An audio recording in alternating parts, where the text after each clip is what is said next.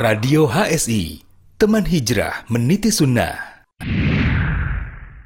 Bismillahirrahmanirrahim. Alhamdulillahirrahmanirrahim. Wassalatu wassalamu ala israfil anbiya wal mursalin wa ala alihi wa ajma'in. Amma ba'd. Alhamdulillah, ah, malam ini kita berjumpa lagi di Radio HSI. Masya Allah. Dan masih bersama saya Deksa yang coba akan menemani Anda selama kurang lebih 90 menit ke depan, para pendengar. Baik, apa kabar pendengar di hari Jumat kali ini? Seperti biasa, kita akan bincang-bincang lagi dengan satu program seperti biasanya kita ada bincang wirausaha yang tentu akan menghadirkan banyak sekali narasumber yang berkompeten di bidangnya dan tentu anda tahu bahwasanya di Radio S ini sering kali menghadirkan banyak sekali narasumber yang Masya Allah dengan banyak ragam wirausaha yang akan dihadirkan dengan banyak pengalaman dan cerita yang bisa insya Allah kita akan ambil ibrohnya nanti ya. Masya Allah. Baik, di awal perjumpaan ini saya harap semuanya dalam keadaan sehat.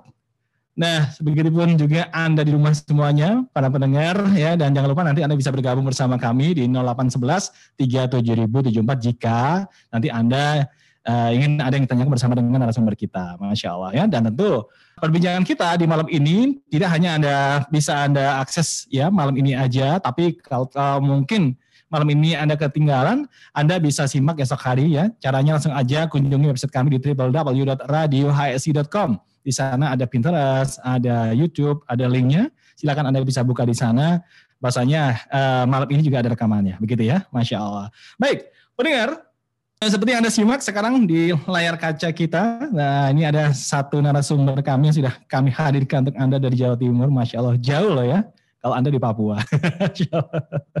ya, beliau akan bercerita, beliau ini uh, Masya Allah punya banyak pengalaman. Kalau kamu berwirausaha, beliau ini Masya Allah memang sudah ahlinya begitu ya. Nah, karena memang beliau ini pernah di bidang kasir online begitu ya. Beliau juga pernah pernah mengadakan satu website ada miberpost.com ya beliau sebagai founder dan juga uh, ex CEO kemudian juga beliau juga pernah membuat bisnis supplier tekstil begitu ya. Ada namanya toko kain murah.com itu merupakan sebuah usaha jual beli kain busana muslim. Ada juga beberapa yang lain seperti konsultan manajemen pembuatan software dan lain-lain. Ya tentu pendengar kalau kita berbicara tentang wirausaha itu memang usaha itu tidak serta merta bisa tumbuh dengan besar tiba-tiba begitu ya. Semuanya harus ada usaha, upaya, doa dan ikhtiar yang benar-benar butuh kejelian yang luar biasa ya. Baik, kalau begini kita langsung aja sapa narasumber kita yang sudah ada ya, di sebelah dengan Mas Yusuf Kurniawan begitu. Baik, kita coba akan sapa langsung beliau. Assalamualaikum Mas Yusuf. Waalaikumsalam warahmatullahi wabarakatuh. Masya Allah, ahlan wa sahlan, selamat datang di Radio HSI, Mas Yusuf. Ya, Mas Deksa. Masya Allah. Mas Yusuf, kalau malam ini kita bisa ngobrol di sini, Masya Allah ini Allah. Semoga nanti anak pribadi juga para pendengar semuanya bisa mengambil ibro dari perjalanan Mas Yusuf sendiri. Kalau kita berbicara tentang wirausaha, tentu Mas Yusuf ini juga sudah banyak tersandung sana sini, bahkan banyaknya tersandung itu bisa menjadi ilmu begitu ya, yang akhirnya membesarkan nama Mas Yusuf begitu. Baik, sedikit mungkin akan saya review bahwasanya Mas Yusuf ini salah satu uh, wirausahawan dari Jawa Timur begitu. Dan masya Allah beliau ini sekarang lagi fokus di dunia pendidikan begitu. Karena memang beliau di founder Albata, betul iya, ya? Uh, Albata Institute. Albata Institute. Nah nanti kita akan kupas perjalanan beliau sebelum ke Albata seperti apa begitu. Baik, silakan Mas Yusuf. Mas Yusuf bisa berceritakan dulu sebelum Albata Institute dikembangkan sampai saat ini awal perjalanan Mas Yusuf sendiri seperti apa Mas Yusuf? Tafadhol. Oke, terima kasih Mas Deksa. Ya, Rabbi Srohli Sodri wa Yasril Amri wa Ututam Lisani Yafqawli. Terima kasih atas uh, kesempatannya Mas Deksa dan juga uh, segenap tim uh, Radio HSI yang mengundang saya pribadi di acara ini. Oke, mungkin langsung uh, saja ya sedikit cerita ya mengenai uh, ya perjalanan ya perjalanan terkait uh, utamanya uh, mengenai wirausaha yang kami jalani atau saya jalani. Jadi sebelum membangun Albata Institute ya Albata Institute ini kebetulan juga uh, masih baru ya hitungannya masih uh, baru karena lahir itu di tahun 2019 ya April tepatnya di April 2019 dan memang sebelumnya ya kodarullah ya saya memang ada sedikit ya sedikit pengalaman di berbagai bidang ya. Maka dari itu sebenarnya ya sebenarnya Albata Institute ini fokusnya memang bukan bisnis ya tapi bagaimana saya pribadi bisa bermanfaat ya, bisa bermanfaat dan di sini kita fokuskan di dunia pendidikan seperti itu. Dan kalau uh, boleh cerita ya, kalau boleh cerita dari uh, sedikit pengalaman saya, awal mula ya, awal mula berwirausaha itu sekitar tahun 2010-an ya, saat awal kali semester ya, semester semester awal di perkuliahan ya, perkuliahan dan kebetulan ya kodarullah orang tua saya ya ibu dan bapak itu orangnya PNS ya. Oh, PNS atau ASN ya. Jadi seperti orang Indonesia pada umumnya ya yang menghendaki anak-anaknya itu untuk jadi PNS juga ya seperti itu atau mungkin ya at least jadi uh, pegawai BUMN atau karyawan-karyawan uh, lainnya seperti itu.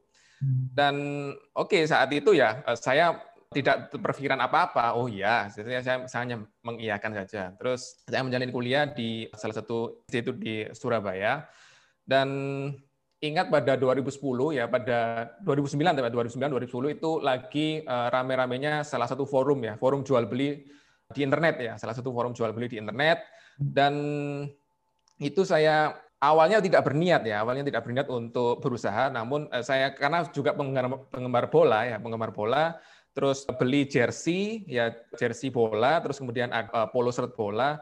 Dan ternyata ya ternyata karena hal itu merupakan baru di lingkungan saya, uh kok bagus, kok bagus. Akhirnya saya berniat untuk eh coba saya jual. Oh ternyata alhamdulillah laris ya, alhamdulillah laris. Oh ternyata seperti ini toh dapat uang sendiri loh dapat uang sendiri dari eh, ya jual beli sendiri oh seperti ini caranya oh oke okay. akhirnya lambat laun tertarik ya tertarik mulai dari diajak teman untuk jual beli kaos distro ya kaos distro terus sampai dengan usaha content writer juga sempat usaha content writer pada saat zaman rame-ramenya blog terus kemudian ya alhamdulillah di mau ketika mau lulus kuliah yaitu karena saya juga kuliah di jurusan komputer ya dari informatika. Jadi pada saat itu ngajak teman-teman untuk uh, buat PT sendiri atau membuat perusahaan sendiri di mana fokusnya untuk software development atau pembuatan software dan lebih fokuskan ke pemerintah, ke BUMN dan seterusnya. Dan Baik. Sebelum kita masuk ke bagaimana pengalaman Mas Yusuf ke software development ya, ini kayaknya sudah mulai dalam begitu. Sebelum dalam, ada hal kecil yang mendasar yang ingin saya tanyakan Mas Yusuf untuk antum begitu. Apakah ya. memang uh, jiwa entrepreneur itu memang sudah dikembangkan dari lingkungan ya? Kalau mungkin orang tua pengennya jadi seorang PNS begitu ya. Nah, iya, betul. sementara ini kan sesuatu yang bertolak belakang begitu ya. Iya. Dan hal wajar sebenarnya ketika di sana orang tua mungkin besar di dunia militer, anaknya juga pengennya militer begitu. Nah, realita di lapangan ternyata Mas Yusuf gak seperti itu. Mm-mm, Oke, betul, kita akan klik dulu sebentar Mas Yusuf, kira-kira yang bisa membuat Mas Yusuf memiliki jiwa entrepreneur seperti itu, berarti bukan dari keluarga dong. Kira-kira dari mana Mas Yusuf? Iya, uh, ada mungkin uh, salah satu kakak kakak kandung yang memang dari awal beliau ingin berwirausaha ya, hmm. berwirausaha dan uh, sempat beberapa kali mengajak saya untuk uh, berbisnis. Dan akhirnya ya salah satunya dukungan hanya satu dari kakak kandung itu yang uh, kalau orang tua sih nggak ada dukungan. Tapi kakak hmm. kandung saya uh, ya menyarankan ayo uh, kita bisnis aja bareng. Uh, sempat juga membuat warnet di uh, dekat rumah ya sempat seperti itu. Dan sempat juga membuat uh, kafe kecil-kecilan ya macam-macam. Dan dari situ saya diberikan ya beberapa wejangan bahwa ya enggak apa-apa lumrah kegagalan dan warnetnya sudah tutup sekarang kafenya sudah tutup ya itu salah satu uh, cost of learning ya cost of learning oh bahwa ya semua tidak akan berjalan mulus nah, seperti itu yang takdir Allah seperti itu jadi memang dibesarkan artinya di sini memiliki peranan besar sehingga membentuk karakter entrepreneur itu dari kakak ya Mas ya? Iya salah satunya dari kakak kandung sendiri sih. Oh Masya Allah. Termasuk juga penghasilan antum ketika berhubungan dengan kaos jersey. Iya betul. Oke. Okay. Iya. Atau mungkin jangan-jangan benar nggak ketika antum menerima uang seperti ini, ini sensasi sensasi tersendiri dan mungkin menjadi apa ya yang menjadi tantangan tersendiri pada waktu itu di usia berapa ya waktu itu Mas? Ketika anda berdagang pertama kali? Seingat saya itu itu kan saat itu kan rame-ramenya kalau pendengar pernah dengar ya. Jadi ada jersey KW Thailand ya kalau julukannya ah. atau istilahnya jersey KW Thailand. Jadi uh, di situ memang jersinya mirip banget dengan versi aslinya ya, baik itu jersey bola Indonesia maupun uh, luar negeri ya atau klub-klub luar negeri dan di situ dari saya ambil itu 80.000 ya, saya jual ya ambil Eh, profit sekitar 20 sampai 40 ribu sih ya. Dan di situ akhirnya, wah pada saat itu ya dan juga saya menjadi anak kos ya wah itu sensasinya luar biasa itu Masya Allah. itu tadi menjadi kebanggaan. Jadi keterusan begitu ya Mas Yusuf ya. Iya. Masya iya. Allah, Masya Allah. Baik, waktu itu bagaimana sikap dari orang tua sendiri? Khawatir nggak sama anaknya yang tiba-tiba ini? Iya, pasti dong.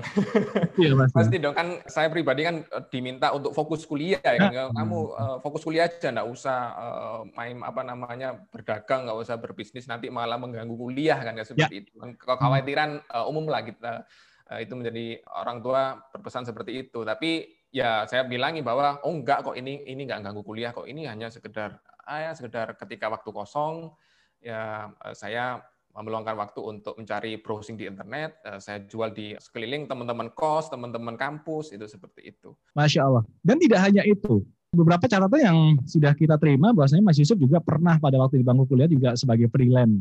Freelance yang seperti apa, Mas?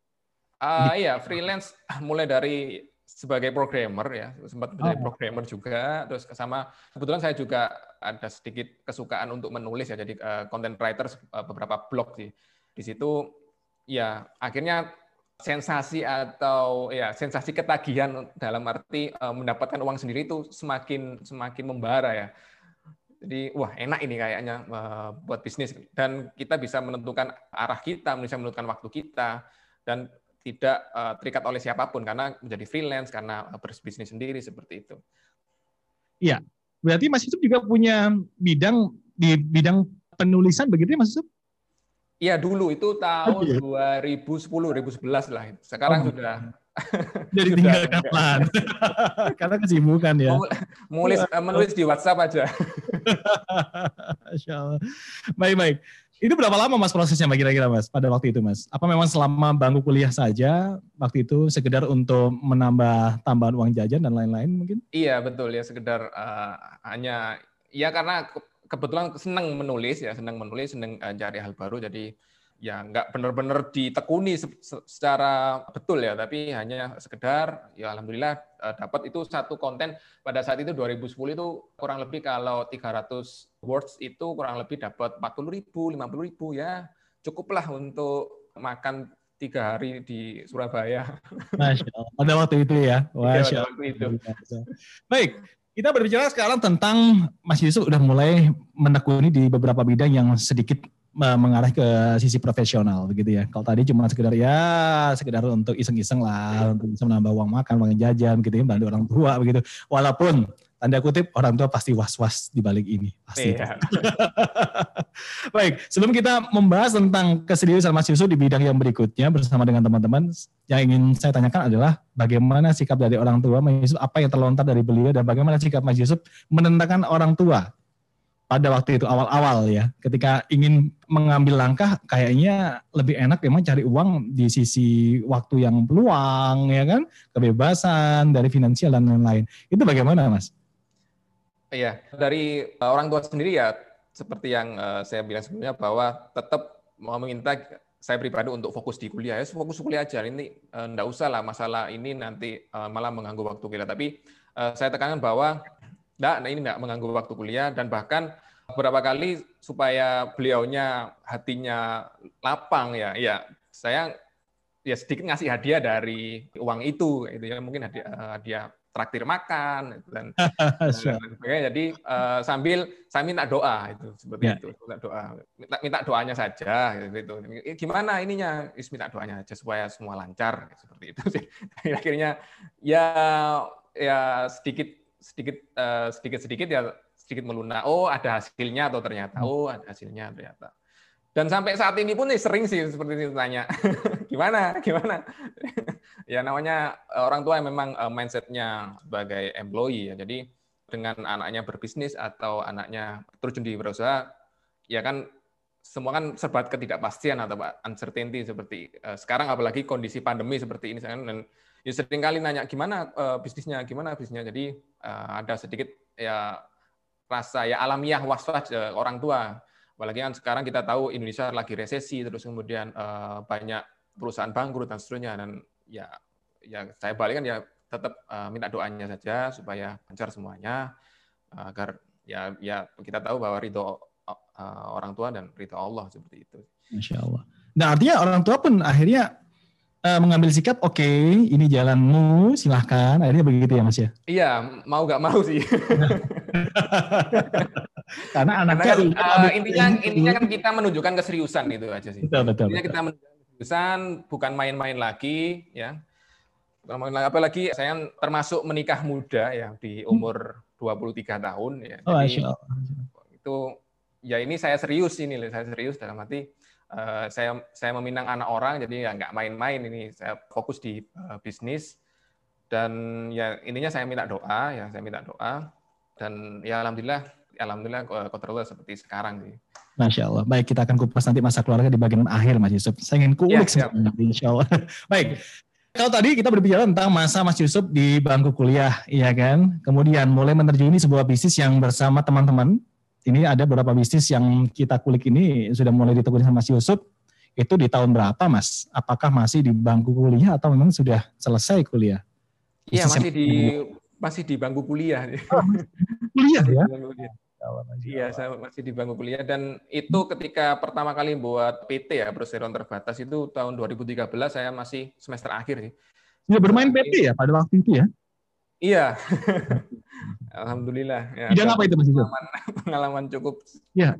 Masya Allah, Masya Allah. Tahun 2013 ya bermain PT, Masya Allah. Ya, ya itu di bidang apa Mas Yusuf? Bisa di uh, Lebih fokus di bidang software development. Jadi ketika hmm. ada perusahaan, BUMN, pemerintahan meminta ada kebutuhan sebuah software atau aplikasi atau sistem informasi uh, kita yang uh, buatkan seperti itu. Baik Buat. di bagian software ya Mas ya berarti ya. Itu. Iya betul. Bertahan berapa lama Mas Yusuf? Bertahan sampai 2018. 2013 sampai ke 2018 ya? Iya lima tahun ya. Lima tahun. tahun ya. Masya Allah. Lima tahun. Bagaimana progresnya Mas dari usaha itu? progres eh, naik turun sih. Naik turun ya. Iya, naik turun. Sempat sempat kita kan namanya juga uh, usaha ya dalam arti ya. usaha kan kadang dalam satu bulan itu dapatnya banyak, kadang nggak ada sama sekali ya bahkan nol gitu kan apalagi kan di bidang jasa ya di bidang jasa kan kita tahu seperti itu kalau misalnya nggak ada orderan ya nggak ada sama sekali nah di situ uh, beberapa ini kan sama teman kuliah ya beberapa teman teman kuliah ada yang dalam katakan ada uh, sebuah kebutuhan mendesak juga. Wah, nggak bisa nih kalau uh, kita sampai ada bulan yang tanpa penghasilan dan seterusnya. Akhirnya dia resign dan kerja di tempat lain. Terus kemudian ada ada seperti itu juga, dia resign kerja di tempat lain. Terus ada satu teman juga ada masalah keluarga, akhirnya dia nggak bisa fokus. Ya akhirnya uh, lambat laun ya kita bubarkan seperti itu. Masya Allah. Karena memang tuntutan, karena memang tuntutan dan kewajiban lebih besar ya Mas ya. Iya, saya juga tidak bisa tidak bisa menjamin ya kalau ya. teman-teman ya.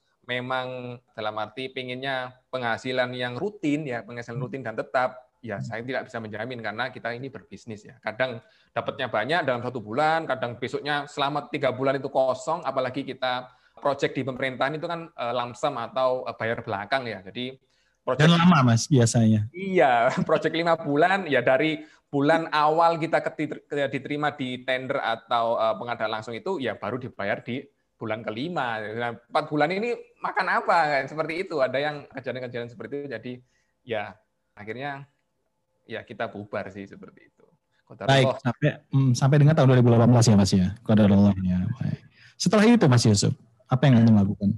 Setelah 2018 alhamdulillah saya sudah menikah dan pada saat itu sudah uh, punya anak satu ketika 2018 dan sebelumnya ya sebelumnya selama detik-detik sebelum pembubaran uh, salah satu uh, awal dari perusahaan saya itu pertama kali itu istri ya istri karena senang busana muslim ya senang gamis jilbab dan terusnya akhirnya daripada beli ya daripada beli mending buat sendiri ya seperti itu.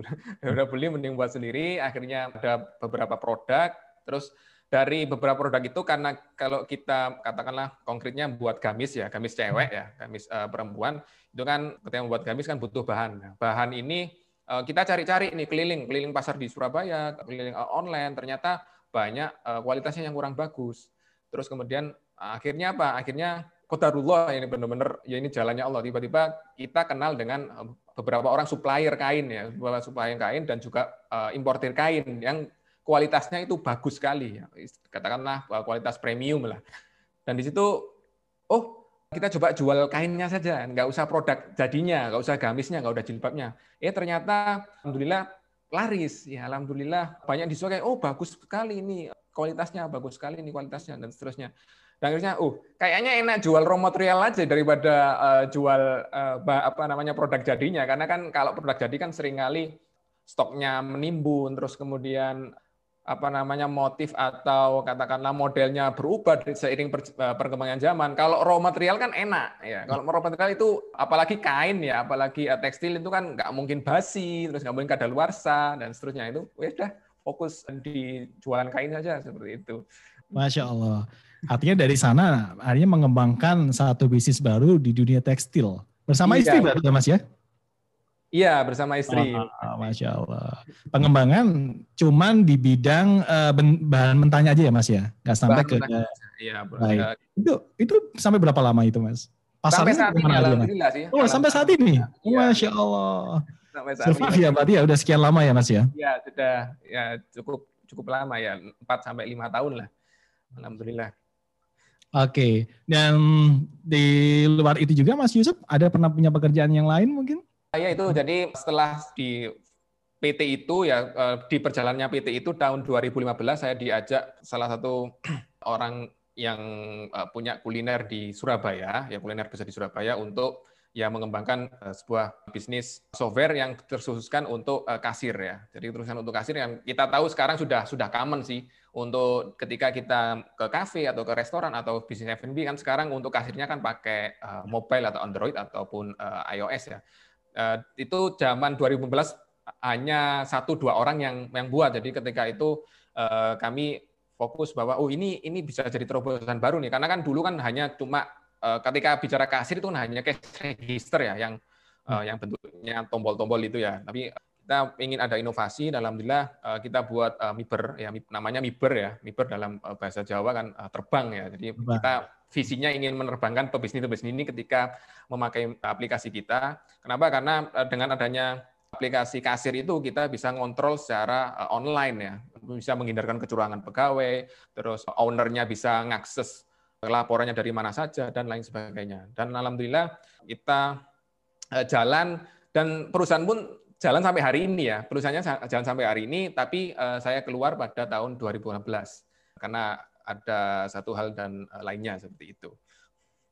Baik, itu berarti kita Anda sebagai yang membuat ya Mas ya berarti ya? Atau iya. mungkin meneruskan aja dari yang uh, saya uh, ya buat dari awal sih, buat dari hmm. awal terus kemudian dapat dalam tanda kutip ya dapat investor ya, dapat investor pada saat itu dan kebetulan investor itu non muslim ya, non muslim terus seiringnya berjalan waktu aplikasi ini berkembang ya, perusahaan ini berkembang terus akhirnya ya ada perbedaan prinsip lah di situ, ada perbedaan prinsip di situ. Uh, akhirnya uh, mau nggak mau ya saya uh, harus mengalah, harus keluar atau ya meninggalkan bayi yang saya lahirkan sendiri seperti itu. Tapi karena memang hal itu prinsipal ya, perbedaannya cukup prinsipal, jadi saya tidak bisa melanjutkan dan akhirnya miberpost.com ini masih berjalan dan dilanjutkan oleh salah satu investor kami seperti itu. Masya Allah, tapi ini terjalan ya Mas ya, melihat perkembangannya. Berjalan, sampai saat ini pun uh, saya uh, kapan hari update itu, oh masih masih jalan ya uh, perusahaan ini. Alhamdulillah. Baik. Dan tidak hanya itu ternyata beberapa data yang sudah kita impun juga yang sudah masuk ke ruang redaksi kami. Anda juga join di adaptiva.co.id. Iya. Apa ini Mas?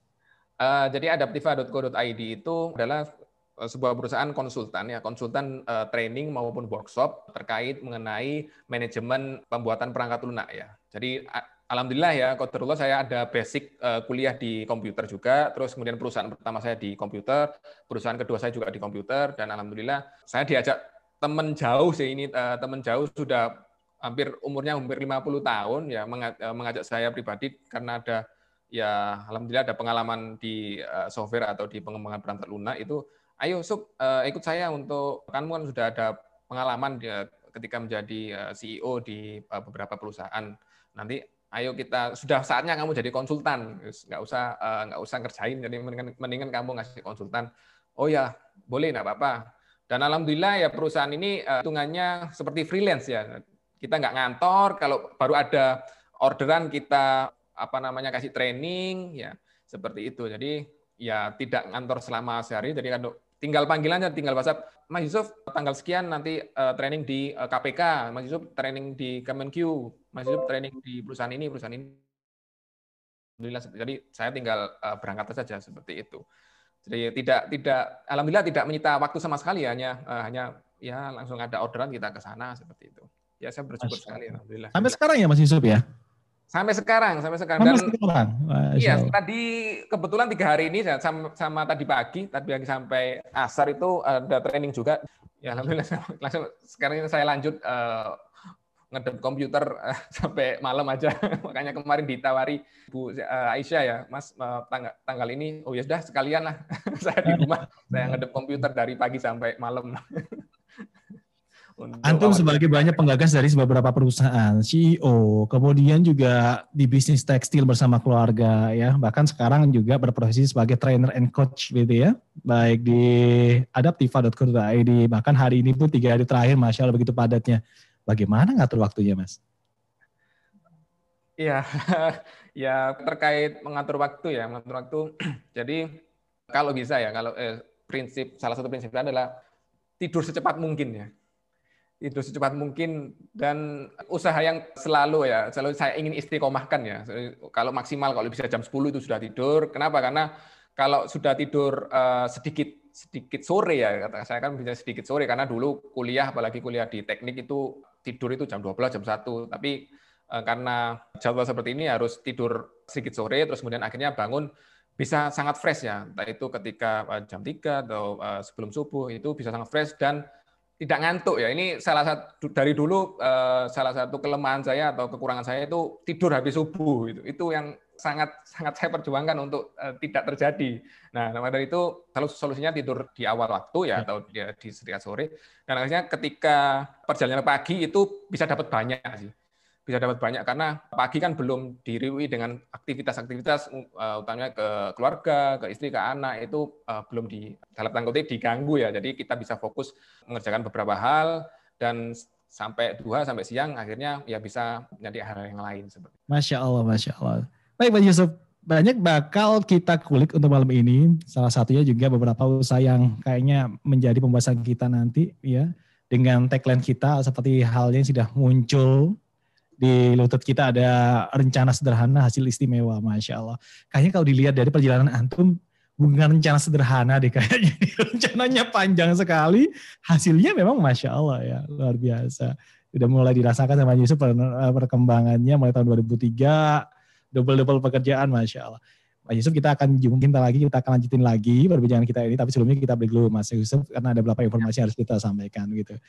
Nah, untuk Anda yang mungkin ketinggalan mungkin ya perbincangan kita dari awal, silakan besok bisa akses beberapa uh, rekaman kita ya di Spotify juga ada, silakan akses aja di radiohsi.com. Silakan di www.radiohsi.com. Kita break dulu sebentar, kita akan kembali lagi saat lagi bersama dengan Mas Yusuf. Kita akan kulik lebih dalam lagi. Pendaftaran narasumber radio HSI. Alhamdulillah, seiring dengan berjalannya beberapa program di radio HSI, kami mengajak kepada para ikhwah untuk berkesempatan menjadi narasumber di radio HSI. Antum memiliki cerita menarik, pengalaman unik, kisah inspiratif, sharing kesehatan atau tibun nabawi, sampai tips dan trik lainnya. Profesi, pengusaha atau pedagang, teknik, IT, sipil, kedokteran, perawat atau bidan, ustadz, petani, guru, pegawai, freelance, dan lainnya. Nah, silahkan disalurkan melalui radio HSI. Eits, pastikan juga sumber cerita harus sahih dan tidak fiktif ya. Berikut adalah program Bincang Radio, Bincang Wirausaha, Bincang Kesehatan, Bincang Motivasi Hijrah, dan lain-lain. Yuk ikut bergabung dan ramaikan. Insya Allah, kebaikan sekecil apa pun yang kita berikan dapat menjadi jalan kebaikan yang besar bagi orang lain. Kita tunggu sharingnya ya. Jazakumullahu khairan. Barakallahu fikum. Radio HSI, teman hijrah meniti sunnah. Radio HSI, bersama melawan COVID-19. Sahabat Radio HSI, musim pandemi masih berlangsung di negara kita. Tingkatkan iman dan takwa kita. Semoga Allah Subhanahu wa taala mengangkat musibah ini. Mari bersama kita secara disiplin terapkan adaptasi kebiasaan baru sebagai wujud kontribusi kita di dalam memutus rantai penularannya. Berikut kebiasaan baru yang harus kita terapkan. Satu, pakai masker. Dua, sering cuci tangan dengan sabun dan air mengalir.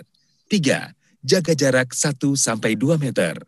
Empat, perbanyak asupan gizi dan vitamin untuk tubuh kita. Lima, hindari bepergian tanpa keperluan yang penting atau mendesak. Sahabat Radio HSI, mari bersama-sama kita hentikan penularan COVID-19. Radio HSI, teman hijrah meniti sunnah. Sahabat Radio HSI, untuk menjadikan weekend Anda lebih bermanfaat, akan hadir menemani Anda dengan berbagai program menarik berikut ini. Setiap Jumat dengan program Bincang Wira Usaha. Melaporkan secara tetap begitu ya. konteksnya lebih luas lagi dua ya. Iya benar.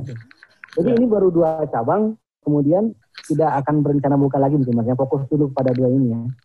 Ya sampai kondisi juga ya mas sekarang benar, benar. masih. Setiap Sabtu dengan program Bincang Kesehatan. Nggak mau belajar gitu kita kalau nggak mau belajar jadi terus saja kita akan takut terus itu apa namanya ya lebih baik kita mempelajari sehingga kita tahu langkah-langkah apa yang harus kita lakukan untuk mengatasi kolesterol ini gitu mas. Hmm. Dan setiap ahad dengan program bincang motivasi hijrah. Tidak memundurkan antum atau tidak mematahkan semangat antum untuk tetap jadi peserta ya Pak? Alhamdulillah enggak ya karena ini se sebenarnya mimpi anak dari dulu gitu. Dulu ketika mulai ngaji, eh, mulai ikut-ikut kajian yang lebih intens. Ingat, pukul 20 hingga 21 lebih 30 menit waktu Indonesia bagian Barat. Jangan lewatkan kisah-kisah menarik, menginspirasi, dan bermanfaat. Anda juga bisa berinteraksi langsung dengan para narasumber melalui line interaktif di 0811 37074. Barakallahu fikum. Radio HSI, teman hijrah meniti sunnah. Baik, uh, sahabat Radio ASI ketemu lagi bersama saya Desa. Kita melanjutkan kembali perbincangan kita bincang wirausaha bersama dengan Radio ASI. Pak jangan lupa rekaman siaran hari ini malam ini Anda bisa akses di www.radiohsi.com. Kembali saya akan ngobrol lagi sama Mas Yusuf yang kali ini sudah mulai uh, sudah minum Mas Yusuf? Sudah ya. Alhamdulillah sudah. Baik Mas Yusuf, kita akan beralih ke pembahasan tentang usaha antum yang sekarang yang lagi dikembangkan, yang sekarang sudah mulai dicanangkan yang luar biasa ini. Ada namanya Albata Institute. Albata Institute. Baik. Benar ya Mas ya? Penyebutannya benar ya Albata Institute? Iya betul, betul. Betul ya, baik. Albata Institute. Kalau kita lihat di beberapa website dan kita udah kulik tadi di albatainstitute.com kenapa memilih kami. Nah, ini ada kurikulum Nabi, kemudian juga mengutamakan adab ya, pengajar terbaik, belajar menyenangkan, Masya Allah. Ini beberapa tagline-tagline yang sudah diangkat di bagian halaman depan website. Nah, Mas, sedikit bisa diceritakan nggak apa itu Albata Institute? Kayaknya ini pembahasan yang luar biasa ini, konsepnya cukup menarik ya, karena notabene di pendidikan kita yang saat ini banyak kebijakan-kebijakan uh, yang diberikan ya oleh beberapa walau alam dari mana itu. Artinya porsi-porsi materi agama itu sangat kecil sedikit sekali. Bahkan satu pekan itu cuma satu jam saja.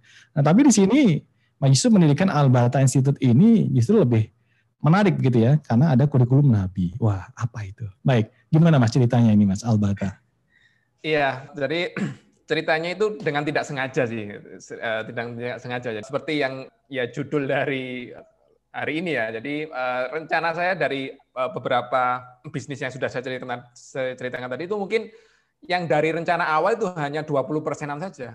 Yang dari yang saya rencanakan ya cuma PT pada saat awal. Terus kemudian ketika mau buka kasir online, buka apa namanya toko kain dan seterusnya itu apalagi yang Albata ini belum belum terpikirkan sama sekali pada saat itu dan itu hanya terjadi seperti terjadi begitu saja. Dan alhamdulillah eh, benar-benar kalau saya bilang sih ya benar-benar takdir Allah lah ini eh, saya tidak merencanakan oh tiba-tiba eh, diberi amanah atau diberi kesempatan untuk mendirikan ya lembaga pendidikan Dan ceritanya pun cukup unik sih, ceritanya cukup unik. Pada saat tahun lalu ya, April tahun lalu, ya sebelumnya itu di awal-awal tahun 2019, anak saya yang pertama itu umurnya 4 tahun ya, umur 4 tahun. Dan lagi ya lagi senang-senangnya belajar kan. Maksudnya eh, pengen saya dan istri ya ingin oke okay, selain ikut belajar di TK atau uh, ya playgroup ya di playgroup saya carikan ketika sore hari itu kan uh, waktunya luang ya waktunya luang. Akhirnya saya carikan TPQ deh uh, TPQ di sekitar rumah awalnya sekitar rumah.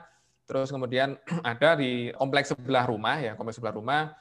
Dan itu ya seperti TPQ TPQ kita dulu ya.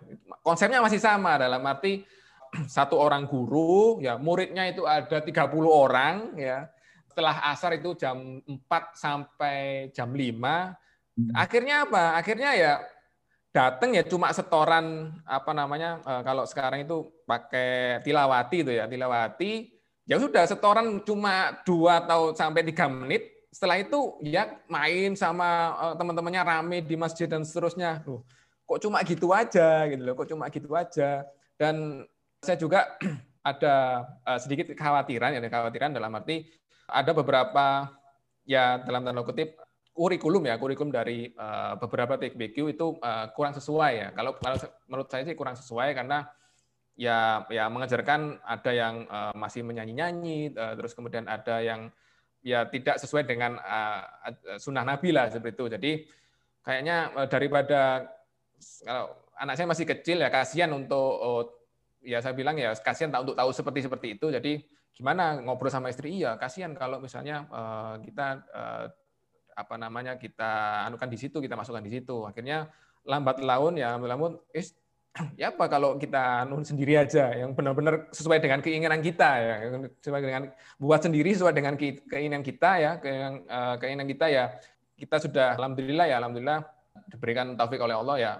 Kalau ngajar anak itu uh, mumpung ya mengajak anak itu iman dulu ya uh, iman dulu sebelum Quran maksudnya kita harus menguatkan imannya ya menguatkan imannya sebelum kita hafalan sebelum kita bisa membaca Al-Qur'an. Itu yang pertama terus yang kedua yaitu adab sebelum ilmu ya maksudnya ya lebih baik ya lebih baik diajarkan uh, secara kontekstual adab-adab yang seharusnya anak kecil mulai mulai dari kecil itu diajarkan Kenapa? Karena dengan adanya adab itu insya Allah ilmu itu bisa berkah seperti itu. Oh ya wis kita uh, buatkan aja. Akhirnya dengan sedikit rencana terus kemudian istri saya uh, nanyain teman-temannya ya teman-temannya dan alhamdulillah qadarullah ya ada satu temannya yang mempunyai suami lulusan uh, Universitas Madinah. Masya Allah. Ya kebetulan sekali kebetulan sekali terus akhirnya membicarakan sedikit konsep ah, kita uh, buka TPIku sendiri buka TPIku sendiri atau buka lembaga sendiri. Oh ya boleh boleh. Dan dengan bantuan dari teman istri itu ada lahan di Surabaya ada ada kantor kantornya beliau di Surabaya kan pakai ini dulu aja untuk tahap awal akhirnya ya eh, seiring berjalan waktu eh, kita menyusun kurikulum yang eh, awal pada saat itu ya seadanya ya seadanya dengan konsultasi dengan suami dari teman istri itu yang basicnya di Universitas Madinah.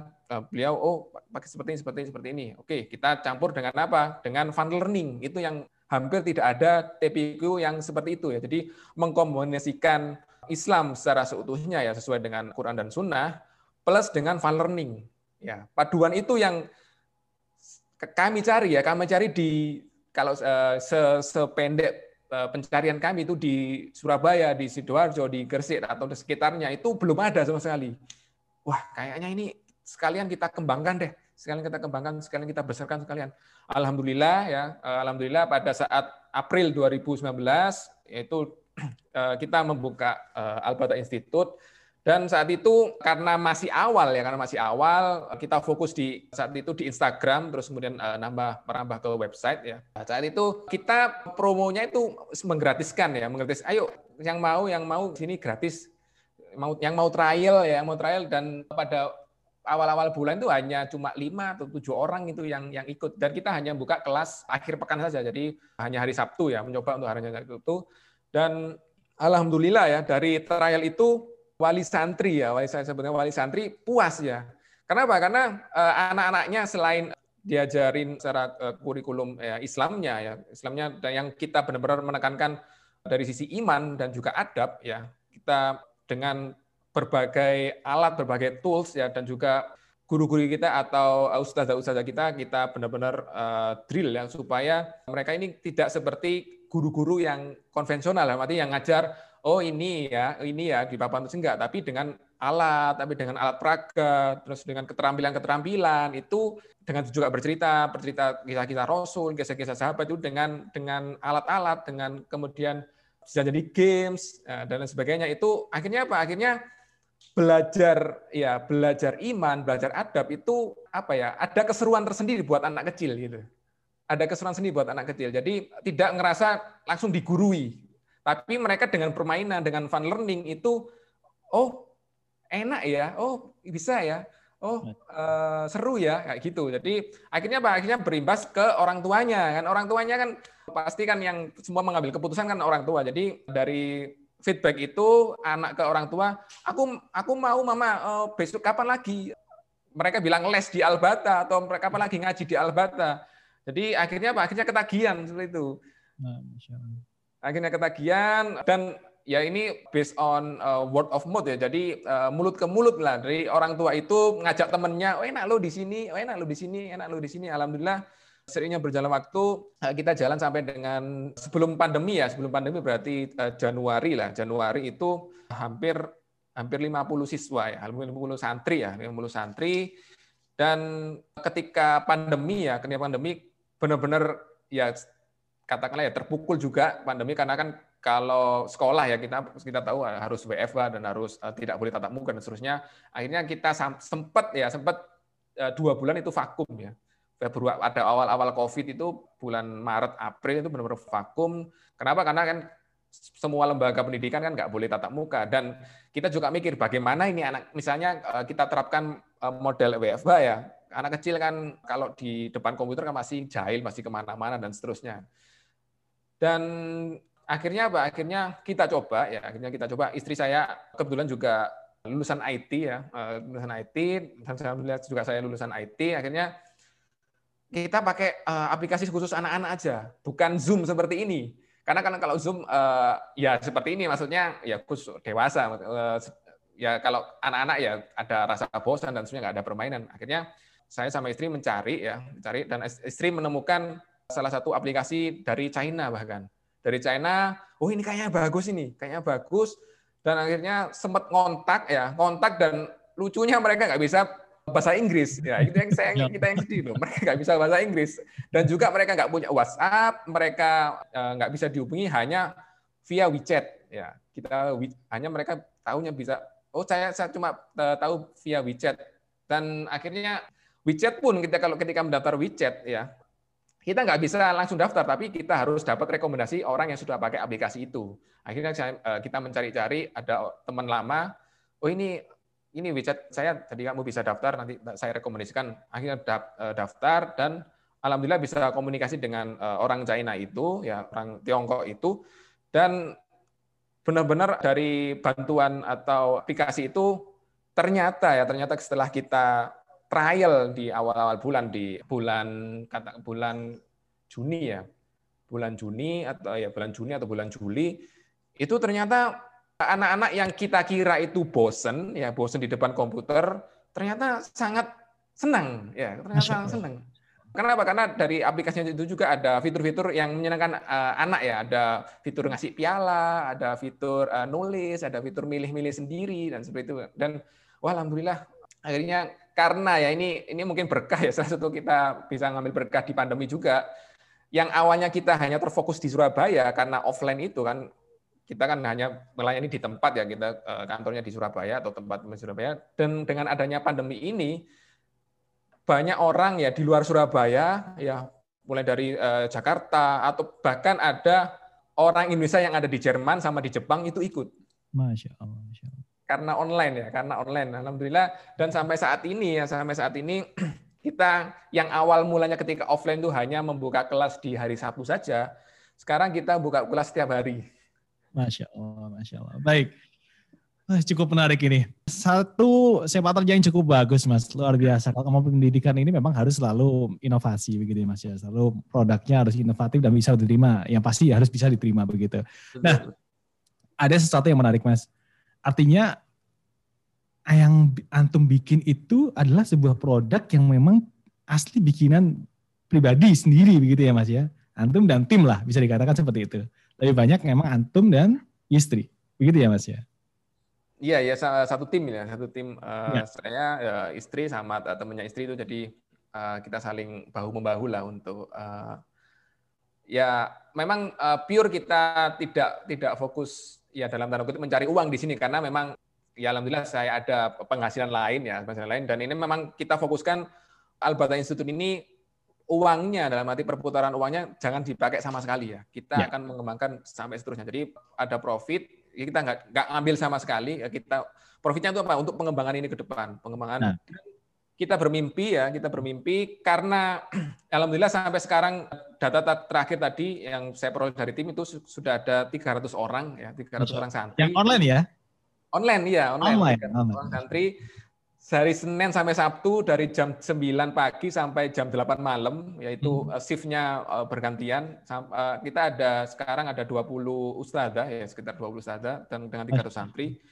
Dan dari wali santri itu tanya oh enggak sekalian buat TK aja sekalian buat pendidikan formal TK aja. Oh iya ibu nanti lah kita pikirkan kita masih fokus ini dan insya Allah kita godok nanti untuk perkembangan berikutnya yaitu uh, membuat pendidikan formal ya mulai dari TK atau jenjang-jenjang berikutnya yang memang based on dari prinsip kita ya yaitu berbasis Quran dan Sunnah dan juga fun learning itu yang highlight kita atau underline kita terkait fokus dari perusahaan kita, lembaga kita ya lembaga Baik. kita. Mas Yusuf, ada sesuatu yang ingin uh, Anda tanyakan bahwasanya begini. Pra COVID-19 sebelum uh, datangnya COVID-19, bahwasanya penerapan kurikulum Nabi utamakan adab ini tidak bisa dijalankan secara offline begitu ya Mas ya, bisa ketemu tatap langsung bersama anak-anak. Itu peserta didik Anda sendiri waktu itu usia berapa Mas yang paling muda Mas? Sampai yang paling gede? Ya, awalnya ya pada awalnya gitu kita batasi umur kan awalnya kan buat anak saya sendiri ya. Umur ah. saya sendiri empat tahun ya. Eh, empat sampai tujuh tahun ya, empat sampai tujuh tahun karena kalau tujuh di atas tujuh tahun kan sudah SD ya. Jadi kita fokuskan hanya untuk eh, anak TK ya. Uh, range kan range anak TK kan 4 sampai tujuh lah. Dan ya. di situ kita fokuskan eh ternyata ada request, ada request bahwa coba untuk anak bayi, anak bayi dalam arti umur 10 bulan sampai 2 tahun. 10 bulan sampai 2 tahun. Oh, iya, 10 bulan ya? sampai 2 tahun. Dan itu uh, ya salah satu uh, challenge lah. Oh, masa bisa dah? Ya kita coba aja. Kita coba dan ya alhamdulillah banyak peminatnya.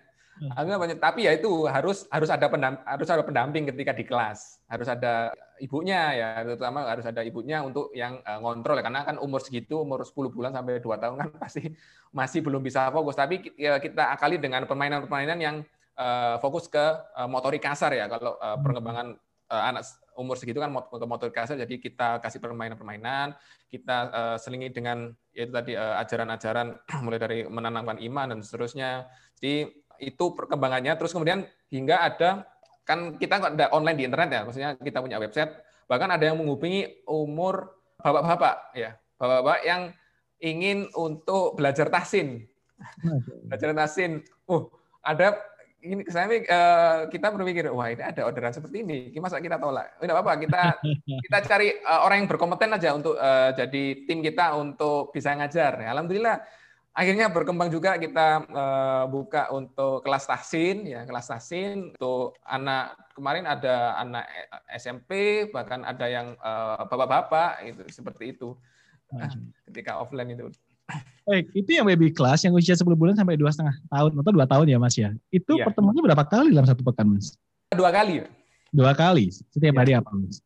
Waktunya? Uh, dulu itu setiap hari saya ingat saya ini sudah Senin sama Senin sama Rabu.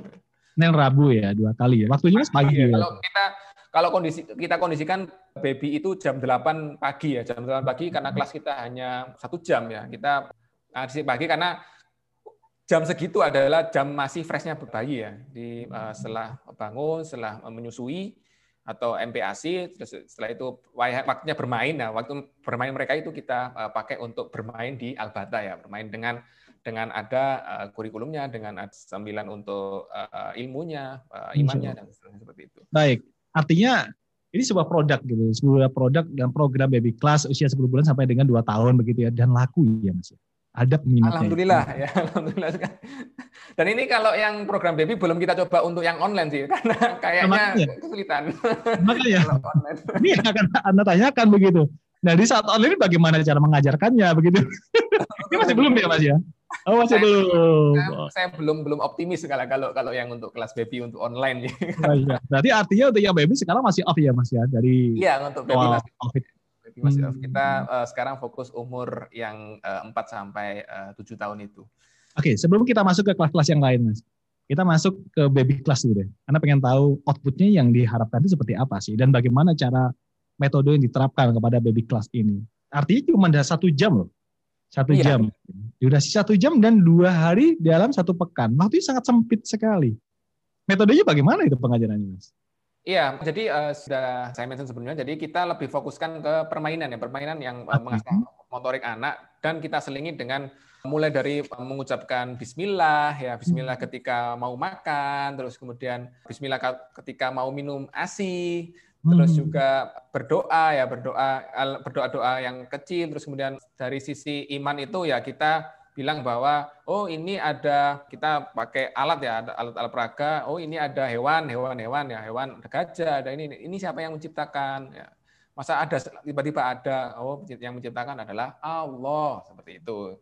Jadi kita kan mereka kan masih kalau secara pikiran kan belum belum anu ya belum total ya. Jadi ya. kita lebih ke arah uh, talkin ya. Menyebutkan bahwa oh ini ada ciptaan Allah. Oh ini eh, sebelum mimi uh, Bismillah dulu ya. Ayo bareng-bareng. Bismillah. Gitu kan. Orang kecil kan kalau dengan ada lingkungan ada teman-temannya yang kecil itu kan seneng Ya. Itu kan seneng terus jadi kalau apalagi kalau bareng-bareng kayak seperti itu itu untuk yang baby itu kita harapkan sebatas itu karena kalau diberikan materi yang agak dalam ya uh, agak dalam terkait iman yang agak dalam itu ya agak fokus mereka karena kan masih umur uh, 10 bulan sampai dua setengah bulan. Baru ketika umur yang 4 sampai 7 tahun itu kita banyak selingi dengan cerita-cerita siroh-siroh Nabi, siroh-siroh sahabat itu lebih masuk ke mereka. Karena mereka kan umur segitu kan seneng seneng cerita ya. kan seneng ya. imajinasi ya, cerita-cerita nabi-nabi terus cerita para sahabat itu bisa membangkitkan imajinasi mereka. Dan oh seperti itu ya. Oh cerita nabi ini tuh seperti ini. Makanya jangan ini jangan itu jangan ini seperti itu. Baik. Artinya di sini memang untuk yang baby class ini lebih ditekankan ke motorik kasarnya ya mas ya? Iya motorik kasar. baik. Artinya di sana lebih banyak ketahuan begitu ya. Karena tetapi ini juga adik-adik ini masih belum bisa ngomong juga begitu ya. Iya. Salah-salah. Tapi itu juga artinya kita harus tetap semangat bahasanya apa yang mereka dengar, apa yang mereka lihat itu selalu terekam, begitu ya Mas. Betul, nah itu itu poinnya, betul eh, Mas Rizal itu poin yang uh, makanya kita fokus ke mentalkinkan apa misalnya tadi Bismillah, terus kemudian uh, doa-doa yang uh, sederhana uh, seperti itu. Jadi ya. Allah menyebutkan Allah, ini semua adalah ciptaan Allah dan seterusnya. Jadi goals kita adalah mereka sudah terngiang bahwa mulai dari ya secara iman atau tauhidnya bahwa yang menciptakan dianya sendiri adalah Allah, menciptakan ibunya adalah Allah, menciptakan alam semesta ya bintang-bintang, terus hewan. Karena mereka senang hewan ya, ada ada kucing dan seterusnya itu siapa yang menciptakan ya seperti itu. Nah, bisa dikopi mas untuk konsep untuk baby class. Untuk yang kakak-kakak, wah ini kakak benar namanya kakak-kakak ya mas ya? Iya kalau yang uh, umur kakak, kategori usia kakak usia dua setengah tahun sampai berapa tahun ini? Tujuh tahun sih itu. Tujuh tahun ya. Oke. Okay. Ya. Ini bagaimana mas metode yang diterapkan? Uh, untuk yang uh, kakak-kakak ya uh, seperti yang uh, saya mention tadi, jadi uh, kita lebih fokus ke pertama ya menanamkan iman ya menanamkan iman dengan kita misal uh, membawa sebuah permainan ya sebuah permainan ada gambar alam semesta, terus ada gambar lautan dan seterusnya. Nah ini tiba-tiba kok bisa ada uh, muncul bintang, ada muncul bulan itu dari mana? Kan nggak mungkin kan tiba-tiba muncul. Nah, ya. siapa yang menciptakan? Bencana adalah yang maha kuasa ya. Siapa yang maha kuasa? Kalau di kita namanya Allah seperti itu. Terus kemudian kalau uh, kalau saya pribadi ini bilang siapa yang yang ngecat buah-buahan, siapa yang ngecat lombok dari warna hijau ke warna merah? Kan nggak ada yang ngecat, masa tiba-tiba jadi berubah warna merah? Siapa? Allah seperti itu. Salah, salah satu contoh-contohnya yang seperti itu. Jadi uh, kita kembangkan ke arah dan juga uh, kita karena mereka senang senang cerita-cerita ya. Jadi kita mempackage ya mempackage. Misalnya cerita Nabi Nuh ya cerita Nabi Nuh. Jadi uh, ustadz-ustadz kita itu sampai membawa kari, apa karikatur membawa alat-alat. Bentuknya kapal ya bentuknya kapal. Terus kemudian uh, sampai uh, bisa menceritakan sangat menarik sekali. Jadi anak-anak duduk diem ya dengan berbagai cara ya dengan berbagai cara dan berbagai tools itu mereka sangat uh, sangat antusias gitu sangat antusias. Apalagi mereka juga diajak interaktif untuk misalnya kalau Nabi Nuh ayo masukkan ada masuk hewan-hewannya ini nanti karena mau hujan deras ada mau banjir karena mau uh, apa namanya kaumnya ini kaum Nabi Nuh ini tidak taat khususnya maka akan diajak Allah. Nah, seperti itu. Jadi mereka diajak interaksi untuk bermain ya itu bermain. Dan kita selipi dengan Eh, pelajaran-pelajaran yang benar-benar bisa mendidik di sisi iman ya, di sisi tauhidnya seperti itu. Dan itu cukup menarik ya Mas ya untuk usia-usia range di antara 2 sampai 7 tahun ya Mas ya. Iya ya, sangat, sangat menarik. Itu, itu itu itu poin yang kenapa eh, wali santri itu sangat senang dengan kita karena oh.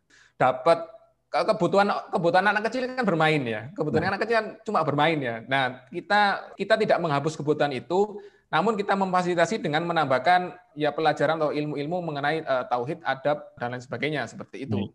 Itu Baik. yang maka makanya uh, kita sedikit berbeda dengan TPQ TPQ di luar sana yang umum ya pada saat mungkin kita saat kecil dulu kan ya TPQ di masjid yang mendengarkan apa namanya duduk guyon-guyon sama teman terus setoran ya tinggal setoran terus main-main lagi kan ya cuma sekedar itu nggak ada sisi tauhidnya kurang sisi adabnya kurang ya hanya setoran ya kalau saya pribadi dulu ya cuma setoran ikro ya, setoran ikro, setoran uh, tilawati, tidak tidak ada bumbu-bumbu ya atau bukan bumbu ya, tapi menu utama yang paling penting yaitu tauhid, iman dan juga adab sih seperti itu. Baik, itu yang Insya Allah. paling penting. Baik, Mas Yusuf, ini kita beralih ke beberapa pertanyaan sudah masuk Mas Yusuf 08190685. Ada pertanyaan Mas Yusuf, bagaimana cara pengajar menghadapi anak yang rewel atau kurang patuh terhadap tata tertib di Albata Institute Wah, ini sekalian tips juga nih untuk orang tua di rumah nih. Oke, ya cara pengajar menghadapi anak yang rewel dan ini uh, hampir pasti muncul ya dalam satu kelas kita kan batasi uh, lima orang kalau misalnya ketika uh, offline ya kita batasi lima orang. Dan uh, dengan pengajar dua materi itu semenarik mungkin ya. Semenarik mungkin. Yang apalagi kalau bisa belum pernah mereka lihat sebelumnya. Hmm.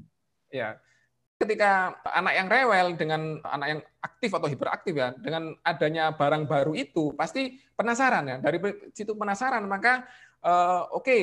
oh kalian pengen tahu ya ini maunya apa oke okay, ayo duduk yang manis ini nanti ustazah akan ceritain seperti itu akhirnya anak-anak yang awalnya uh, aktif awalnya uh, rame awalnya rewel itu bisa langsung secara otomatis ya alhamdulillah ya bisa uh, secara otomatis mengikuti, oke, okay, uh, eh, saya akan diam gitu, saya akan diam akan mendengarkan ustazahnya untuk cerita panjang lebar. Dan bahkan sempat itu pada suatu saat kita membawa hewan beneran itu. Karena kita itu uh, saya itu bawa kura-kura ya, bawa kura-kura agar apa? Agar mereka ini tertarik gitu loh. Ya, kan, jadi kita yang apa ya? Saya bilang ya lembaga ini yang yang kita ya poin plusnya adalah di kreativitas pemateri sih seperti itu. Karena hmm. di usia di usia usia seperti itu kan butuh permainan butuh eh, kejutan-kejutan. Maka eh, sempat kita bawakan kura-kura beneran. Oh ini apa ini? Ya kura apa kura-kura. Nah ini siap balik lagi siapa yang menciptakan? Bisa seperti ini? Nah balik ke kita sebenarnya kita arahkan ke lebih ke tauhidnya lebih ke iman seperti itu. Akhirnya ini menjadi, mereka senang nah, ini, ini menjadi program andalan begitu ya jadi ya Mas Yusuf ya langsung praktek bisa bisa menemukan dengan alpraga yang cukup menarik untuk anak-anak. Begitu ya Mas Yusuf ya? Iya itu. Makanya jadi kalau saya bilang ini adalah salah satu yang saya tekankan ke pengajar-pengajar kami ya. Jadi hmm. kalian di sini alhamdulillah kita batasi umurnya ya. Masih alhamdulillah masih muda-muda lah eh, di di bawah 30 tahun ya. Jadi teman-teman saya bilang bahwa di sini ketika kita bicara lembaga pendidikan nomor satu adalah kreativitas ya. Apalagi kita mengajar anak ya. Mengajar anak. Anak itu kalau nggak kreatif, mereka kan boring atau mereka kan bosan. Dan mereka bosan, pasti mereka rewel. Gitu. Hmm. Anunya pengen pulang lah, pengen beli es krim lah apa. Karena apa? Karena nggak betah di kelas. Karena nggak betah di kelas. Maka dari itu sering saya kita, kita tekankan ke pengajar bahwa harus sekreatif mungkin ya. Nah. Jadi kita, kita sebelum ngajar ya, sebelum ngajar atau dua hari sebelum ngajar itu ada briefing ya buat pengajar bahwa nanti ini kita pakai alat peraga apa nih? Kita mau materi apa yang kita berikan? Misalnya kita minta untuk materi katakanlah Nabi Yunus. Nah, Nabi Yunus kan dimakan ikan paus. Nah, ayo gimana caranya untuk uh, dimakan ikan paus ini atau ketika bercerita itu membangkitkan gairah anak untuk mendengarkan atau hmm. untuk uh, tertarik. Nah, itu akhirnya ya mereka berpikir akhirnya mereka eh, bisa kreatif untuk bisa menyedarkan dengan baik seperti itu ketika di kelas. Baik. Cukup dipahami Mas Yusuf. Baik, kita beralih ke pertanyaan berikutnya. Yusuf di 08569595 sekian sekian. Ini pertanyaan juga masuk di interaktif kita. Kebanyakan dunia pendidikan anak-anak usia dini ini identik dengan nyanyi dan keprok-keprok. Pertanyaannya yang pertama, bagaimana metode dari Albata menggantikan metode pendidikan anak usia dini yang seperti itu, Mas Yusuf. Ini yang pertama. Yang kedua, bagaimana cara Albata memahamkan orang tua santri yang masih awam dengan metode pendidikan yang diterapkan oleh Albata yang sesuai dengan Quran dan Sunnah. Nah, ini biasanya anaknya udah dapat orang tuanya kadang-kadang masih ah, kok begini sih gitu ya. Ada nggak yang kejadian seperti itu Mas Yusuf? Apa Bukan ada lagi tapi banyak, Mas. tipsnya dong coba. Oke, kita menjawab dulu satu satu. Ya. Yang pertama dulu nih.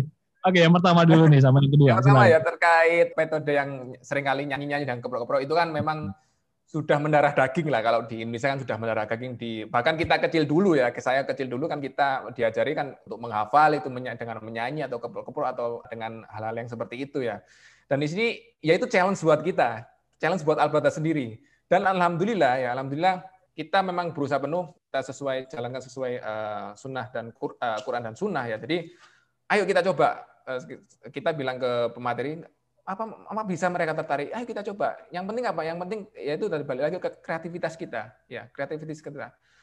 Jadi uh, terkait uh, keprok-keprok dan nyanyian kan intinya kan having fun ya. Having intinya kan kalau nyanyi sama keprok kan having fun. Nah, gimana caranya membuat anak itu having fun tanpa hal itu?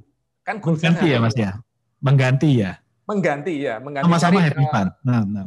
Ya, cari pengganti. Masa kita kan manusia bisa berpikir bahwa tidak hanya itu saja. Tidak hanya itu saja yang yang, bisa membuat mereka tertarik atau uh, have fun atau happy ya. Maka itu yaitu uh, sempat ya sempat yang saya ceritakan tadi bahwa kita sempat bawa hewan terus kita uh, sampai bahkan ya bahkan suatu hari itu untuk dari sisi bahan-bahan itu yang dibutuhkan itu habis 50 eh, 100 ribu dalam satu kelas kayak gitu beli kertas beli warna-warni dan seterusnya sampai menghias itu seperti itu dan itu memang sangat dibutuhkan karena eh, tools-tools itu yang bisa menggantikan have fun anak yang mindset kita kan hanya dengan koprok-koprok hanya dengan nyanyian ya.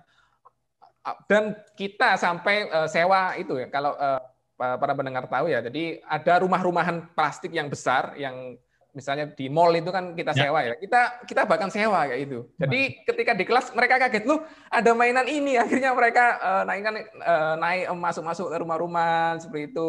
Dan akhirnya kita apa? Kita ngajari, "Oh, ayo kita mempelajari adab masuk rumah yuk, adab keluar rumah yuk, adab bertamu yuk dan seterusnya seperti itu. Arahnya ke situ.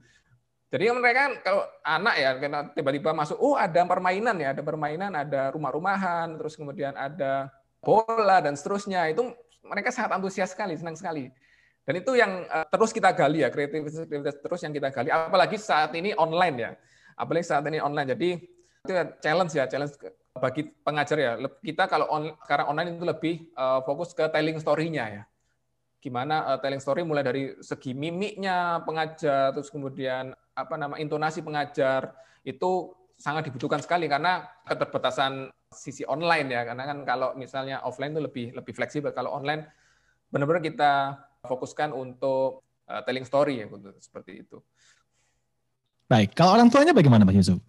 Oh ya, uh, terkait ya pemahaman orang tua yang masih awam dengan metode pendidikan. Nah, ya ini ini yang uh, saya selalu challenge juga dan alhamdulillah uh, beberapa wali santri itu sudah paham ya, sudah paham bahwa kita memang uh, fokus uh, mengajarkan sesuai Quran Sunnah plus dengan fun learning. Tapi ada juga orang tua yang belum paham, ya belum belum paham dan sempat juga sering kali loh kok nggak diajari nyanyi-nyanyi, kok nggak diajari uh, tepuk-tepuk dan seterusnya. Oh kita kita ajari, kita kita bilang bahwa oh kita tidak seperti itu ibu, kita tidak seperti itu dan karena kan memang perlu semua itu perlu bukti ya, semua perlu bukti Eh ternyata di akhir bulan, di akhir bulan mereka si anak itu sudah empat kali atau lima kali masuk al-bata. Eh ternyata apa yang diharapkan orang wali santri tersebut yang harusnya biasanya pakai nyanyi-nyanyi keprok-keprok itu tidak terjadi dan outputnya pun si anak itu bisa paham gitu, tanpa adanya cara itu gitu. Tanpa adanya cara itu itu bisa paham. Ya, misalnya ya menghafal ya menghafal uh, surat-surat pendek ya terus kemudian uh, menghafal doa-doa atau hal yang lain itu oh ternyata tanpa dengan metode nyanyi-nyanyi kepro-kepro itu bisa loh ya apalagi anaknya lebih have fun loh. Nah, itu yang apa ya bisa dalam tanda kutip menyadarkan para wali santri bahwa tanpa adanya nyanyi-nyanyi dan kepro-kepro itu juga bisa uh, works ya atau bisa berjalan seperti itu. Masya Allah, Masya Allah, luar biasa.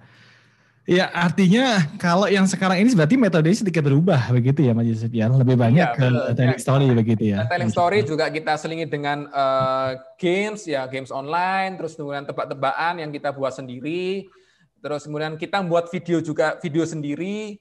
Nah itu yang ya benar-benar um, dalam tanda kutip menguras kreativitas kita lah, menguras kreativitas bagaimana dengan keterbatasan uh, kedikarenakan pandemi ini kita bisa tetap uh, engage dengan anak-anak ya, uh, tetap kita bisa meraih fokus anak-anak untuk uh, bisa mengikuti uh, kelas seperti itu. Baik, masya Allah. Tadi ada yang disebutkan sama Mas Yusuf tadi bahwasanya tadi Mas Yusuf menyebutkan lima anak dengan dua pengajar. Itu benar ya, ya Mas angkanya ya? Betul, ketika itu, kelas itu khusus untuk yang ah, itu offline itu khusus untuk yang usia baby class 10 bulan sampai 2 2 tahun. Uh, dua-duanya, dua-duanya. Oh, dua-duanya. memang oh. dua pengajar. Oh, Masya Allah. Sudah ada berapa Mas waktu itu sebelum kita masuk ke ranah COVID? Jadi waktu offline jumlah totalnya berarti ada berapa ustazahnya Mas untuk pengajar? kalau pengajar itu sekitar belasan ya kalau sebelum COVID itu mungkin 11 eh, atau sampai 15 lah. 11 sampai 15 terus ya ketika ya memang bergantian ya bergantian karena materinya juga berbeda eh, antar eh, satu kelas dengan yang lain. Jadi bergantian ada yang double juga nanti habis ngajar baby langsung ngajar kakak-kakak eh, seperti itu. Jadi saling menutupi seperti itu. Oh baik baik baik. Masya Allah. Karena kalau karena umur segitu kalau nggak dua orang pengajar itu ya pasti kesulitan ya kesulitan. Karena di satu sisi satu guru untuk fokus materi satu sisi guru yang lain atau ustadz yang lain itu fokus mengkondisikan kelas sih seperti itu oh baik masya Allah Baik Pak Yusuf, untuk yang kakak-kakak usia dua setengah tahun sampai yang tujuh tahun, itu durasinya berapa lama Mas Yusuf? Untuk satu pekannya? Ya, kalau di ketika offline ya, ketika offline itu satu setengah jam ya. Satu setengah jam hari Sabtu saja. Ketika offline ya, hari akhir pekan atau hari Sabtu itu eh, satu setengah jam dengan dimulai dari siang hari ya. Siang hari ada kelas gelombang pertama, terus sama sore hari setelah asar itu juga ada eh, gelombang kedua seperti itu. Oh, masya Allah. Itu cukup efektif ya, Mas, dengan waktu yang ya kalau anda lihat sih memang sangat pendek sekali ya, Mas Yusuf ya. Apa memang konsep awalnya mas seperti itu, Mas? Atau memang rencananya setiap hari akan ada waktu untuk anak-anak itu setiap sore? Ya, dulu sempat kita ingin nggak hanya akhir pekan tapi juga uh, di hari-hari aktif ya. Tapi sudah kita uh, trial tapi langsung ada COVID ya. Jadi uh, rencana itu masih belum dikerjakan dan alhamdulillah dengan ya salah satu berkah COVID ini kita bisa dengan mudah ya dengan mudah menambah santri atau menambah murid. Kenapa? Karena kita tidak dibatasi oleh ruang lagi ya. Jadi eh, siapa pun atau uh, dari di mana pun bisa mendaftar ya secara online. Dan untuk kelas online ini kita batasi hanya waktu 40 menit. 40 menit. 40 oh. ketika online eh, kita bicara online untuk 40 menit. Kenapa? Karena sudah ada bukti empiris yang sudah kita coba juga di atas 40 menit itu anak sudah tidak fokus. Oh. Kalau kita bicara kelas online ya, sudah tidak fokus. Jadi kita batasi 40 menit dalam setiap kelasnya. Baik. Satu pekan berapa kali pertemuan yang sekarang uh, masih? Kalau yang online dua kali. Dua, oh, kali, dua kali itu uh, ya dua kali hari uh, Senin Rabu hmm. paketnya ya Senin Rabu oh ya Senin, uh, Senin Kamis terus kemudian Selasa Jumat sama Rabu Sabtu. Oh, masing-masing itu beda beda kelas ya Mas ya? Ya, kita ada dalam satu hari ada tiga gelombang ya, jam 9 pagi sampai 9.40, terus kemudian hmm. jam 4 sore sampai jam 4.40, terus kemudian yang kelas malam yaitu jam 7 hingga jam 7.40 seperti itu. Ada ada tiga shift ya. Baik. Kalau melihat dari konsepnya sekarang, sepertinya sih Mas Yusuf lebih tertarik dengan konsep yang online deh kayaknya. Karena jangkauannya juga lebih luas, bahkan ya, di juga masih begitu ya Mas ya. Ya, ya berkah pandemi lah. Iya iya iya, Masya Allah, Allah menunjukkan dengan caranya begitu ya Mas Yusuf ya. ya Masya Allah. Bahkan istri saya eh, ketika awal-awal pandemi, wis ditutup aja ini, soalnya ya kan ngajar anak kecil susah kalau misalnya online itu. nggak nggak mungkin. Soalnya kan anak saya sendiri yang yang sekarang TK ya. TK ketika kelas online di TK-nya itu ya nggak fokus gitu loh. Betul. udah vakum aja lah sampai COVID ini mereda dan seterusnya. Sampai kepikiran seperti itu. Tapi ya, ya, ya. ya. alhamdulillah uh, ya dengan izin Allah ya dengan petunjuk Allah kita bisa buka uh, kelas online seperti dan bahkan bertambah ya Mas ya bahkan bertambah alhamdulillah bertambah. Berarti Mas Yusuf untuk konsep TPQ ini dari Albata ini, anak yang mungkin baru aja bergabung itu tidak usah menunggu pendaftaran ya. Waktu pendaftaran tertentu nggak usah ya Mas ya, bisa masuk ya, kapan saja. Iya betul sekali, karena kan uh, karena, hmm, ya. Baik. TPQ, jadi uh, sewaktu-waktu uh, kita batasi setiap bulan sih. Hmm. Jadi kita batasi waktu nggak nggak langsung sekarang daftar besok bisa pakai enggak, tapi misalnya sebenarnya sekarang tanggal berapa? Sekarang tanggal 6 lah katakanlah ya. Hmm. Kalau memang ada tanggal 6 masih masih awal ya, masih awal eh, awal bulan. Jadi kalau misalnya ada kelas yang kosong bisa, tapi kalau sudah di tanggal-tanggal akhir ya itu nunggu di bulan berikutnya seperti itu. Oh begitu. Baik. Yang tadi kita bahas Mas, lebih banyak ke beberapa kurikulum ya, seperti mengutamakan adab, kemudian kurikulum nabi, dan beberapa yang lain. Bagaimana dengan cara baca, metodenya diterapkan seperti apa ya Mas ya dalam belajar Al-Qur'annya? Kita kalau uh, Al-Qur'an karena memang orang Indonesia sudah ada standarnya ya dalam standarnya kita pakai tilawati ya. Kalau kita zaman dulu kan pakai ikro ya, karena sekarang karena banyak hampir mayoritas lembaga kalau nggak pakai tilawati atau umi ya itu yang kita pakai. Jadi kita lebih fokuskan ke tilawati untuk, untuk pengajaran membaca Al-Qur'annya ya. Jadi kita sesuaikan ya umur dengan umurnya ya eh, jilid satu dan juga dalam proses mengajar tilawati itu ya kita sisipi kita pasti sisipi dengan games-games ya karena apalagi online ya kalau kita nggak sisipi itu, itu pasti anak-anak akan bosen ya. Bosen dalam arti menunggu teman lain lain untuk setoran itu kan kadang itu kan nganggur ya. Nah nganggur kita makanya kita uh, selipi dengan games ya. Kita uh, berikan ke wali santri uh, ada sebuah exercise ya exercise untuk games dan kita minta tolong wali santri kita kirimkan secara soft copy terus mereka kita minta untuk di print terus kemudian ketika uh, menunggu giliran untuk setoran bacaan Quran di Tilawati mereka uh, mengisi exercise itu dengan uh, games atau yang lain seperti itu. Dan ya ya seperti worksheet dan semacamnya sih. Seperti itu Mas baik masya Allah masya Allah dan konsep itu, oh ini mas, lagi keren sekarang bahwasanya sekarang di beberapa TPQ begitu ya mas ya banyak menerapkan metode-metode hafalan Al-Quran gitu ya. Ada nggak rencana Albata juga menerapkan hal seperti itu? Ya, memang uh, dari 40 menit itu ya, kalau uh, kalau offline satu setengah jam, kalau uh, online 40 menit kita ada di beberapa space waktu itu kita untuk setoran hafalan ya seorang hafalan dan kita fokuskan di, di juz 30 atau juz amma gitu dari depan ya oh, amma ya tasalun sampai hmm. uh, setelahnya seperti itu. Baik, metode pembagiannya bagaimana Mas? Dengan banyaknya murid kemudian dari ketika ketika kita online ya. Itu metodenya bagaimana Mas kalau boleh tahu? Ngintip sedikit lah gitu. Ya, jadi uh, tentunya bergantian sih, bergantian. Oh, tetap bergantian ya. Setoran bergantian ya, setoran uh, tilawati terus uh, dilanjut uh, juz amma itu setoran uh, awal juga anak yang lain itu menunggu setoran ya. Jadi kita kita kasih worksheet untuk uh, mereka agar tidak bosan ya. Terus kemudian uh, kita kasih games ya. Dan alhamdulillah alhamdulillah karena uh, kelas kelas uh, online kita sudah berjalan jalan ini tiga bulan ya. Tiga atau empat bulan ini. Dan dalam satu bulan uh, itu alhamdulillah ada yang sudah hafal anaba Oh, Masya Allah. Ada yang, uh, saya juga ya senang lah. Oh ternyata ada beberapa anak itu yang dalam satu bulan itu sudah, sudah hafal anak.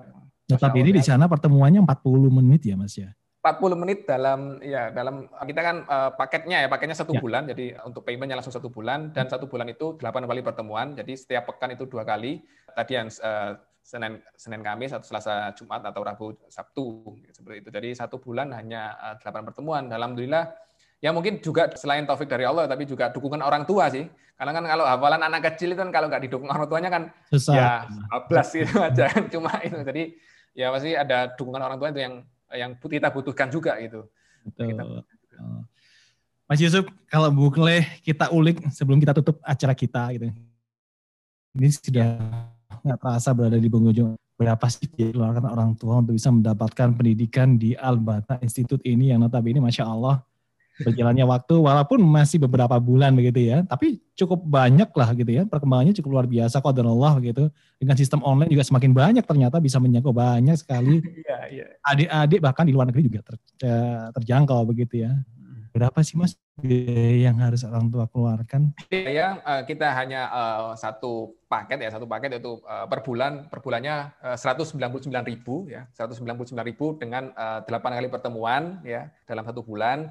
Dan dalam satu pekan kita ada dua kali pertemuan ya itu yang bisa mengambil paket eh, Senin Kamis Selasa Jumat atau Rabu Sabtu dan juga waktunya bisa pilih ya lain hari juga waktunya bisa pilih dikondisikan dengan eh, anak-anak kan biasanya eh, satu dengan yang lain kan berbeda waktu tidurnya waktu mainnya. Jadi bisa pilih kelas pagi ya kelas pagi itu jam 9 sampai jam 9.40 atau kelas siang atau kelas sore ya kelas sore jam 4 sampai jam 4.40 atau kelas malam ya. Kelas malam mungkin paginya ada uh, sekolah juga di TK uh, online, jadi bisanya malam boleh uh, mengambil kelas malam di jam 7 hingga 7.40 seperti itu. Jadi ya kalau secara nominal sih insya Allah sangat terjangkau lah dengan dengan apa yang didapatkan sih kalau saya bilang dengan apa yang didapatkan. Karena ya kalau kalau saya pribadi ya belajar agama itu jangan jangan memikir mengenai nominal hmm. sih. Ini kan apalagi untuk anak lah apalagi untuk anak.